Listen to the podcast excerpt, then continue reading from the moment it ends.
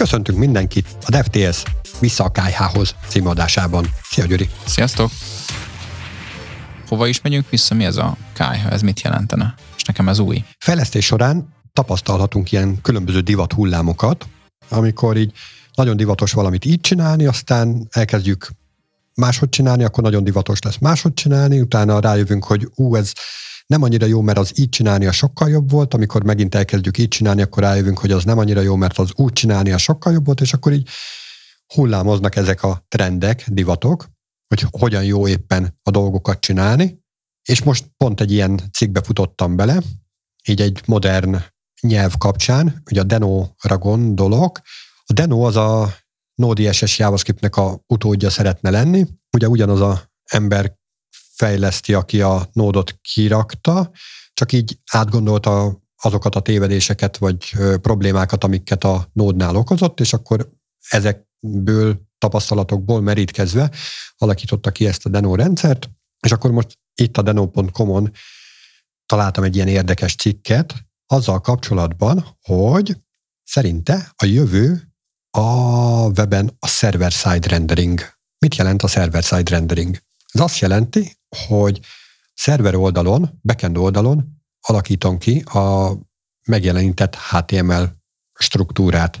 Hogyha valaki PHP-zik, akkor ez nagyjából olyasmit tud jelenteni, hogy vagy így közvetlen a HTML szöveg van PHP fájként elmentve, tehát kacsacsőr, HTML, stb. stb. Vagy pedig különböző logikák mentén, milyen elágazások, ciklusok, akármik mentén, egyszer csak jön egy olyan, hogy echo, kacsacsőr, HTML, vagy valami ehhez hasonló. Ugye akármilyen PHP-s motort használunk, a végeredmény igazából ez lesz, hogy lesznek valamilyen HTML content, HTML részletek, amiket majd a PHP feltételek mentén ki fog tenni az outputra, és ez az output, ez gyakorlatilag a szervernek output, átmegy az interneten, és bemegy a böngésződbe, mint input. És az így megérkezett HTML fájlt, vagy HTML részletet tudja a böngészőt kirenderelni. Na és azt állítják, hogy ez a jövő. Na de ebből én, mint mondjuk egy mezei felhasználó, aki mondjuk felmegy egy weboldalra, akármelyik weboldalra, ő mit érzékel belőle? Felhasználóként szuper jó lesz neked, mert sokkal hamarabb fogsz kapni látható tartalmat. Szem, tehát ugye van ez a server-side rendering, meg van a, client-side rendering. Ugye a, a server-side renderinget azt az előbb elmondtam. Most tök mindegy, hogy milyen nyelvet, maradjunk akkor a PHP-nál. A PHP összeállítja a HTML-t, és akkor az lejön a te böngésződbe, a böngésződ meg alapvetően arra van kiképezve, hogy ő HTML kontentet tudja megjeleníteni, úgyhogy ezt villámgyorsan meg is fogja tenni. Magyarán, amikor leütöd az Enter-t az URL végén, akkor az első hálózati kommunikációnak a végével már te látható tartalmat fogsz kapni egy ilyen nagyon gyors renderfázis követően. Ezzel szemben a, a client-side rendering az egy több lépésből álló folyamat. Ez arról szól, hogy leütöd a böngésződ URL-jében az Enter-t, amikor a weboldalt elkéred, akkor megérkezik egy HTML, egy nagyon karcsú és nagyon kicsi HTML. Az a karcsú és kicsi HTML behivatkozik egy viszonylag ducibb, vagy kisebb-nagyobb JavaScriptet. Az a JavaScript elkezdi a, a lehúzott HTML, lehúzott üres HTML-ek a domját manipulálni és telerakja kontenttel, majd a böngésző fogja és ezt lerendereli.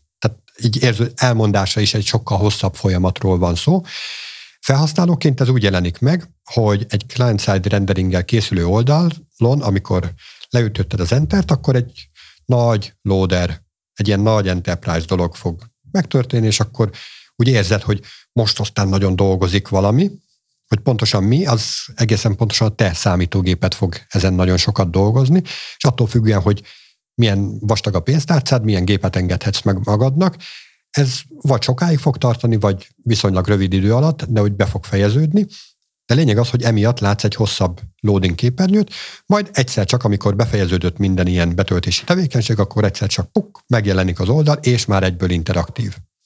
Ugye szemben a server-side renderinggel, ott ugye nem a te gépet fog nagyon sokat izzadni, hanem a szerver fog nagyon sokat izzadni.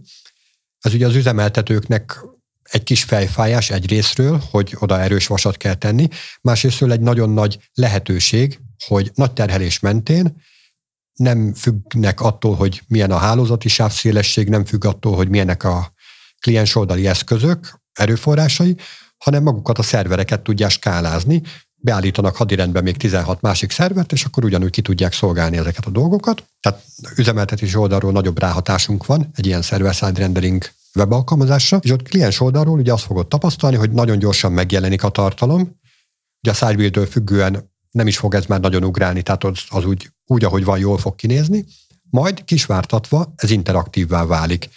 Tehát, hogy azok a részek, amiket most a modern framework úgy gondolunk, hogy ezt JavaScript-tel kell megoldani, mondjuk egy formnak a beküldését. Egyébként a HTML úgy önmagába tudja ezt, hogy egy formnak a beküldése, tehát ez még JavaScript sem kéne, de ma éppen az a divatos, hogy ezt JavaScriptből akarjuk megcsinálni, akkor megtehetjük, viszont annak idő kell, amíg betöltődik, tehát kapsz egy nagyon gyorsan egy megjelenő tartalmat, majd utána kisvártatva interaktív lesz, és kattinthatóvá válik ez a gomb. Tehát lefordítva a nyelvre gyakorlatilag arról lenne szó itt, hogy um, az SSR-rel készült oldalaknál nincs pörgettyű, amikor megnyitom a gépet, vagy a honlapot, amikor pedig uh, ugye single page appal dolgozunk, akkor pedig nem érdek pörgettyűt átadunk a webböngészőbe. Nem biztos, hogy egyáltalán nincsen, de, de sokkal kevesebb. Kevesebb, igen. igen. van, az általános mondás. Aha. És egyébként maga amellett, hogy a felhasználó gyorsan uh, tölti, uh, de gyorsan uh, tudja elérni ezt az oldalt, emellett egyébként uh, ugye nem csak ez a előnye az SSR-nek, hanem azért van még, igaz? Persze, a SEO. Tehát azt így kapásból rá lehet vágni. Ugye mi, mi a SEO? Az a Search Engine Optimization. Ugye arról szól, hogy a kereső motoroknak Ugye vannak ilyen botok, amik folyton pásztázzák az internetet, például Google, és akkor a Google az hogyan találja meg a te weboldaladat, úgyhogy vannak neki ilyen keresőautomatái, amik időnként ellátogatnak a különböző weboldalakra, azokon a linkeken, azokon végig gyalogolnak, meg ugye a Google-nek direktbe is meg lehet mondani, hogy itt vannak még oldalak, meg erre vannak mindenféle ilyen webfejlesztő eszközök, a Sitemap XML-től, Robots.txt-n át, mindenféle ilyen eszközöd van, Lényeg az, hogy a Google-nek a robotja az megtalálja te weboldaladat, és megpróbálja elolvasni. Na most ez a fajta elolvasás, ez Google esetén nagyon sok időt és energiát tettek bele abba, hogy tényleg megpróbálja úgy elolvasni a te weboldaladat, mint ahogy egy ember a saját böngészőjébe ezt látni is fogja. Az, tehát elsősorban azért tettek bele nagyon sok időt és energiát, mert azt vették észre, hogy bizonyos weboldalak azok megpróbálták átverni úgymond a Google-t, hogy ilyen nem látható címkefelhőt helyeztek el a weboldalukon, a világ összes kereső szava ott volt a weboldalon, de egyébként csak, nem tudom, rózsaszín vibrátort árult. De hogyha te mondjuk, nem tudom, JavaScript-es promiszokra kerestél, akkor arra is találtál ott, arra találatot, csak az nem volt így látható. A lényeg az, hogy elindultak ebben az út, úton, és egyébként ez egy nagyon jó irány volt, és nagyon jó rá lehet kötni arra, hogy a valójában a felhasználókat, tehát a, akik keresnek tartalmakat, őket szeretnék kiszolgálni. És hogyha ezen a vonalon tovább megyünk, hogy tényleg a felhasználó igényeket szolgálják ki, akkor ebbe beletartozik az is, hogy a tartalmat azt minél hamarabb kapják meg ezek a felhasználók. És hogyha egy HTML, egy server-side renderinges HTML oldalon ott van a tartalom, akkor ez nagyon hamar beindexelődik, szemben azzal, hogyha JavaScriptből készülnek ezek a websájtok, hát ugye Google sem tudta ezt megkerülni, pláne, hogy ők adták ki a anguláros framework ahol JavaScriptből állítod elő a HTML-t, tehát hogyha ilyen weboldalakat szeretnének beindexelni, akkor nekik is kell JavaScriptet futtatni. Le is futtatják ezeket a JavaScripteket, csak később. Tehát azt azért minden egyes webfejlesztőnek tisztában kell ezzel lennie, hogyha ő JavaScript-es rendert használ, akkor ő később fog beindexelődni, hátrébb kerül ebbe az indexelési sorba, mint aki Pure HTML-lel dolgozik. Sőt, minél hosszabb ez a render fázis, minél több ideig tart egy ilyen renderelési fázis, annál-annál hátrébb kerül, és van egy olyan threshold, most, hogyha jól tudom, nagyjából ilyen 19-20 másodperc környékén van, amikor azt mondja a Google, hogy itt aztán nincs semmi content és azok a tartalmak, amik ennél hosszabb idő alatt renderelődnek le, azok meg sem jelennek gyakorlatilag találatként, uh-huh. holott lehet, hogy mit tudom, egy fél perc múlva azért előállna, előállna az a content. Ugye azt azért tudni kell, hogy ezt több helyen kimérték, hogy ilyen nagyjából néhány tized másodperc az, amit az ember még úgy érez, hogy, hogy ez ilyen azonnali hatású, tehát ilyen egy-két tized másodpercre kell gondolni, amikor kattintok, és egy-két tized másodperc alatt megtörténik a csoda, megváltozik a valami, az még ilyen azonnali hatású. Hogyha ennél följebb megyünk, akár egy másodpercig is, akkor az már ilyen döcögősebbnek érződik, viszont e fölött meg, meg egyértelműen azt jelzi, hogy a rendszer nem jó. Tehát az azt jelzi a felhasználóknak, mint tudom, két másodperc fölötti betöltési idők, hogy ez a rendszer nem jó, és ott nagyon nagy százalékban elhagyják a weboldalt, ha csak nincsenek rá kötelezve, mert mondjuk csak itt tudom a számlámat befizetni, akkor muszájból végigcsinálom. Igen. De egyébként, hogyha szabad választásom van, tehát mit tudom, én cipőt keresek, és 50 ezer boltból választhatok, akkor igenis tovább fogok navigálni, hogyha tudom én 10 másodperces betöltési időkkel tudom a következő cipőt megnézni, mert egyszerűen erre nincs idő manapság. Igen, így van. És akkor most gyakorlatilag visszatérünk így ehhez a teljes SSRS megoldásokhoz a mai modern framework a keretein belül is. A Vue.js-nek, meg ugye a React-nak is van már erre külön framework ahol lehet SSR megoldásokat használni, sőt SSR oldalakat, webes alkalmazásokat létrehozni. Ugye a Vue-nak a Next, a React-nak pedig, ha minden igaz, akkor a Next.js, tehát itt már ezeket lehet így használni, és akkor ahogy látszik is, hogy gyakorlatilag ugye jött egy 2010-es évek közepén egy, egy ilyen nagy felfutás a single page appoknál, ugyanúgy most ezeknél a ráépülő frameworkoknél, amelyek SSL-et használnak, az is gyakorlatilag most így a, a fénykorát éli, mert ugye ez a divat, ez, ez visszajött. Mint a 90-es években a ruházkodás divat így manapság. Még annyit azért hozzátennék, hogy maga a gondolat az nagyon jó, és nagyon tetszik nekem, és nagyon tudok azonosulni ezzel a, az egész gondolattal, hogy server-side rendering. Viszont ahogy meg van valósítva, hát attól azért hányni tudnék. Tehát most én itt olyan példakódot látok, de könyörgöm, tehát hogy lehet ilyet leírni? Fölolvasom csak ugye a hallgatók kedvére, akik JavaScript-eznek, azok most kapaszkodjanak így két kézzel a szék oldalába. Let HTML egyenlő, idézőjel, kacsatőr HTML, kacsatőr bezárva, kacsatőr UL, kacsatőr bezárva, idézőjel, pontos vesző.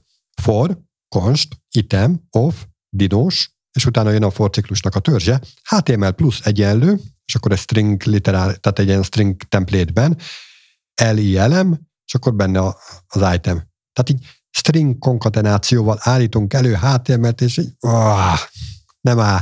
Hasonlítom ugye a reaktos kódhoz egyébként ez, amit ugye így csinálunk, ugye ott is hasonlóan kell egy ESX-ben, meg ugye a TSX-ben ezeket ö, megoldani. Na, hát akkor egy kicsit beszéltünk a Vue-ról is, hogy ugye ezekben a modernebb keretrendszerekben az nagyon-nagyon boostolja az elterjedését, hogy külön lehet benne választani ezt a három nyelvet, ami a frontendhez kell, vagy négy dolgot, tehát a, a grafikai elemeket, akkor ötöt, mert a fontokat is, tehát, hogy ezek teljesen elkülönülnek egymástól. A CSS-t is külön lehet szedni belőle, a HTML magát a templétet külön lehet belőle szedni, és a JavaScript-et, ami mindezt működteti, ezt így külön lehet szedni. Amikor ezeket összemossuk, az nem lesz jó. Ezt már minden nyelven megpróbálták mindennel, és ezekből olyan szörnyszülöttek keletkeznek, amik, amik egyszerűen nem jók. Tehát, hogy aki, aki jó CSS-ben, a CSS-nek a maga a koncepciója az nem olyan, mint a JavaScript, és a JavaScriptnek nem olyan a koncepciója, mint a HTML. Ezeket külön kell kezelni. Uh-huh. Itt pedig mégis a Reactnál ez abszolút működik, és ezt használják, és azért, ahogy láttuk a ESS kérdőjében, amit a páradásra ezelőtt néztünk meg, ott azért nem volt az, hogy nagyon kilettek volna akadva a fejlesztők erre a szintaxisra. Tehát itt azért mégiscsak van olyan, vannak olyanok, akik ezt használják, és szeretik is, tehát meg ugye a teljesítményben is nincsen ezzel, nincsen ezzel probléma. Tehát, hogy azért ízlések és pofonok is benne van itt, tehát valaki ezt, valaki ezt így kedveli, valakinek, aki ugye egyből így az anguláros, meg views oldalra jött, annak egy kicsit idegen lehet, de aki meg mondjuk React oldalra jött, annak meg annak meg talán így ez idegen, hogy ez nincsen így összemosva.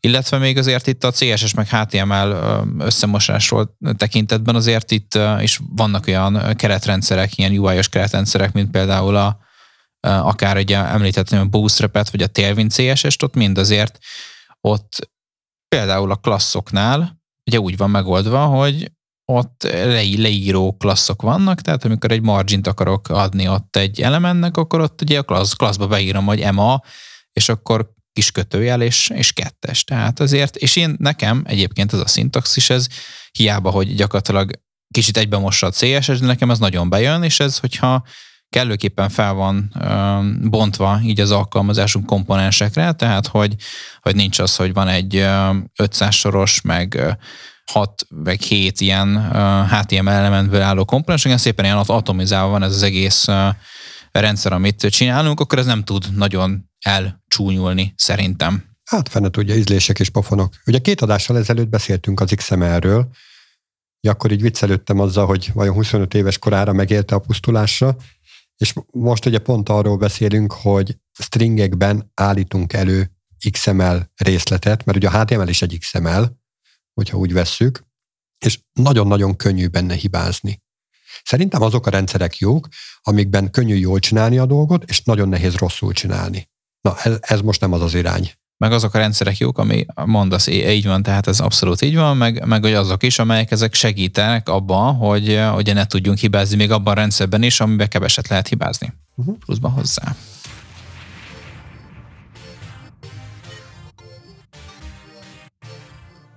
De már hogyha itt a backend és a frontend oldal, meg az SSR server-side renderingről beszéltünk, akkor azt a kérdést tenném fel, hogy lehet-e valaki egyszerre backend fejlesztő, illetve frontend fejlesztő, és úgy, hogy nem full stack, hanem úgy, hogy akár több állása is van párhuzamosan.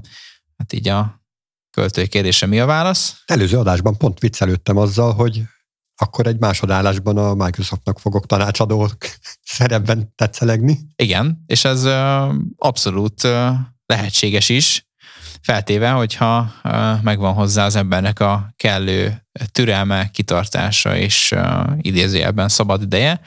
Ugyanis itt még a Covid alatt, amikor nagyon erős pandémiás lezárások voltak, azért elterjedt a home office-os munkavállalásnak a lehetősége, tehát hogy teljesen remote végez, végezhető állások azért azért sok, sok, sok ilyen volt, és egy élelmes amerikai szoftverfejlesztő ezt ki is használta, hogy azért nem kell bejárni az irodába, és ahova ugye nem kell bejárni, hanem távolról végezhető munka, ott, ott ugye nincs is olyan komoly kontroll, mint hogyha neked le kéne csekkolni minden reggel itt a nagy irodaházban egy belépő kártyával, és, és elnőrzik, hogy akkor te most becsekkoltál, aztán pedig délután négykor kicsekkoltál. Az vajon, hogy lecsekkolják, hogy beérkeztél vagy kimentél, vagy megkérted a kollégádat, hogy csippancsa le a kártyádat, mert ugye azért ilyen is előfordul egy nagyobb cégnél.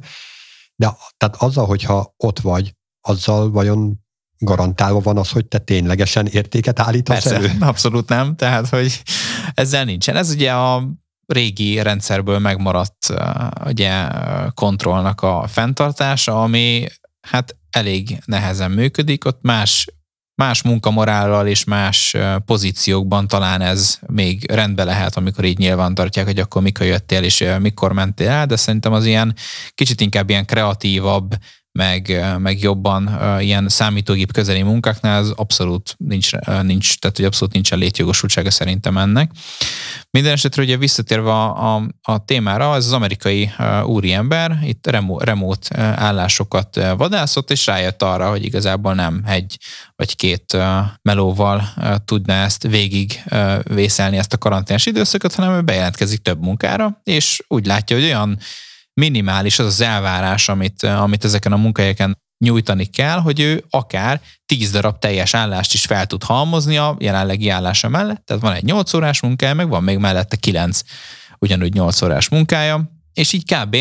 a havi bevétele az, az így éves szinten több mint egy millió dollárra jött, jött ugye ki, tehát éves szinten több mint egy millió dollár tudott így, így kasszírozni, és azt is látta, hogy több hét, mire észreveszik egyáltalán, hogy sokkal kevesebbet dolgozik, meg, meg sokkal kevesebb értéket teremt, ugyanakkor minden, minden kis meetingre bejoinolt úgy, ahogy tudott, valahova mindenhol azért, azért komitolgatott valamit, de nem azért túl sokat, mert ugye tíz darab teljes állása volt egymás mellett, és azt tudta csinálni egy, egy jó pár hónapig így a karantén alatt, és erről írt egy posztot, hogy ezt hogy kell végezni. Na most itt felmerül bennünk az a kérdés, hogy egyáltalán mennyire van létjogosultsága annak, hogy egy munkahelyről, főleg egy szoftverfejlesztő álláson, ugye pont arról beszélünk most itt, milyen elvárásokat támaszt a cég a fejlesztő kollégák elé, mert ugye azt lehet látni, hogy nagy a munkaerőhiány az ilyen pozícióknál, de mi az a minimum, amikor tényleg azt mondják, hogy, hogy, hogy figyelj, most szedd össze magad, mert különben nem tudom, nem tudjuk folytatni tovább a közös munkát. Tehát ezért látszik, hogy ez kicsit így,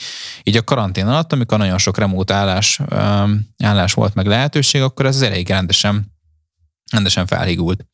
Vajon ezt 2023-ban lehet-e csinálni? Szerintem biztos lehet nem Magyarországon, mert itt azért másabb fajta szabályok vannak, itt az adóhivatal teljesen máshogy viszonyul ezekhez a témákhoz, viszont ettől függetlenül el kéne engedni szerintem teljesen ezt a, ezt a 8 órás beidegződést.